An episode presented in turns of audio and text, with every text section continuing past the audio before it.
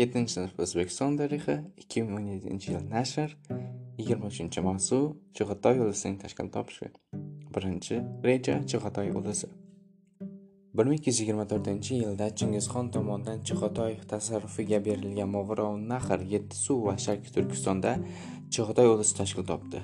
Chig'atoy xonning ulusni boshqaradigan o'rdasi ilisuvi ili daryosi bo'yida edi.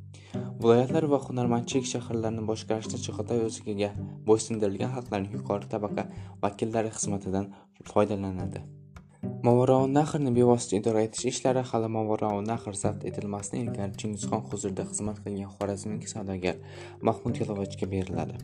U xo'jand shahrini o'ziga qarorgoh qilib oladi va shu yerdan turib movarounahrni idora qila boshlaydi. Harbiy hokimiyat aholini ro'yxatdan o'tkazish soliq ish yig'ish ishlari dorug'achi va tavg'ach deb ataluvchi mo'g'ul amaldorlari qo'lida bo'ladi. Mo'g'ul bosqoqlari mahalliy hokim ixtiyoridagi ko'p sonli askarlar mahmud ismiga bo'ysundirilgan edi.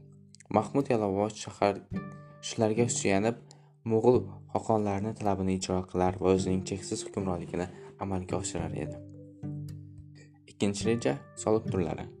Chug'atoy xonlari markaziy hokimiyat xazinasi uchun aholiga turli soliqlar solib zo'ravonlik bilan undirib olishardi. Ziroatchilardan olinadigan yer solig'i bu davrda kalon deb yuritilgan. Chorvadorlardan esa qopchur solig'i olingan. Davlat xazinasi uchun shlen nomi bilan yuritilgan oziq ovqat solig'i ham undirilgan. Shlen har bir podadan ikki yashar qo'y qimiz uchun har ming yotdan bir biya hisobida olingan. Hunarmandlar va savdogarlardan targ'u solig'i undirilgan. Targ'u ishlab chiqarilgan mahsulot yoki sotilgan molning o'ttizdan bir qismi hajmida undirilgan. Bulardan tashqari aholiga tuz solig'i jun va kumush solig'i solingan.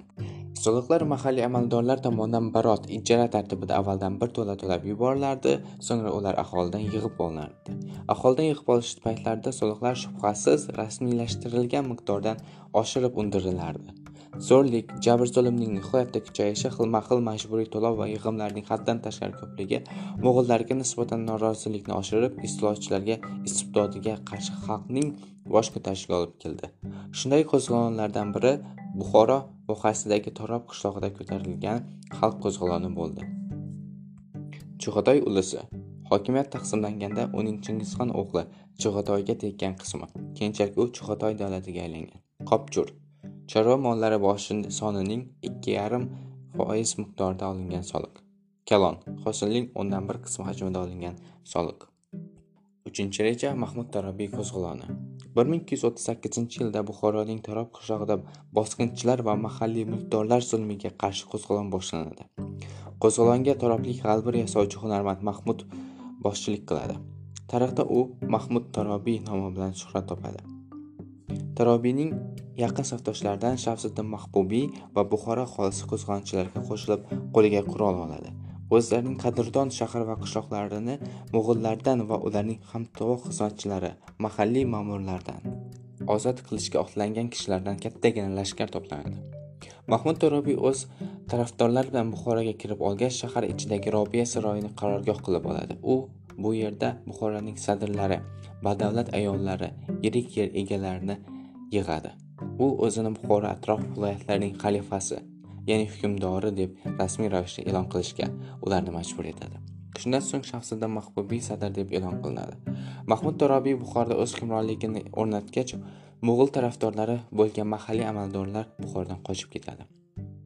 Qochgan amaldorlar va mo'g'ullar noibi mahmud yalavoch yordamida karmana yaqinida kuch to'plab buxoro ustiga yuradilar. O'rtada jang boshlanadi. Mo'g'ullar yengilib karmana tomon qocha boshlaydilar. Jangda qo'zg'olon boshliqlari mahmud tarobiy va shamsiddin mahbubiylar ham halok bo'ladilar. Qo'zg'olonchilar ularning o'rniga tarobiyning ukalari muhammad va alini boshliq qilib saylaydilar oradan bir hafta o'tmay ularga qarshi mo'g'ullarning yangi qo'shini hujum qiladi. Jangda qo'zg'olonchilar tormor qilinib turobiyning har ikkala ukalari ham halok bo'ladilar. Mo'g'ullar buxoroni yana bosib olib u yerdagi ilgarigi tartiblarni qayta o'rnatadilar. Chig'atoy soliqlarni tartibga solish islohotida bir ming ikki yuz o'ttiz sakkizinchi yilda mahmud yalavochni noiblikdan chetlatishga majbur bo'ldi. Uning o'g'li masudbek noib etib tayinlanadi. Ulug' xoqon o'qtoy mahmud yalavochni pekin shahriga hokim etib tayinlaydi.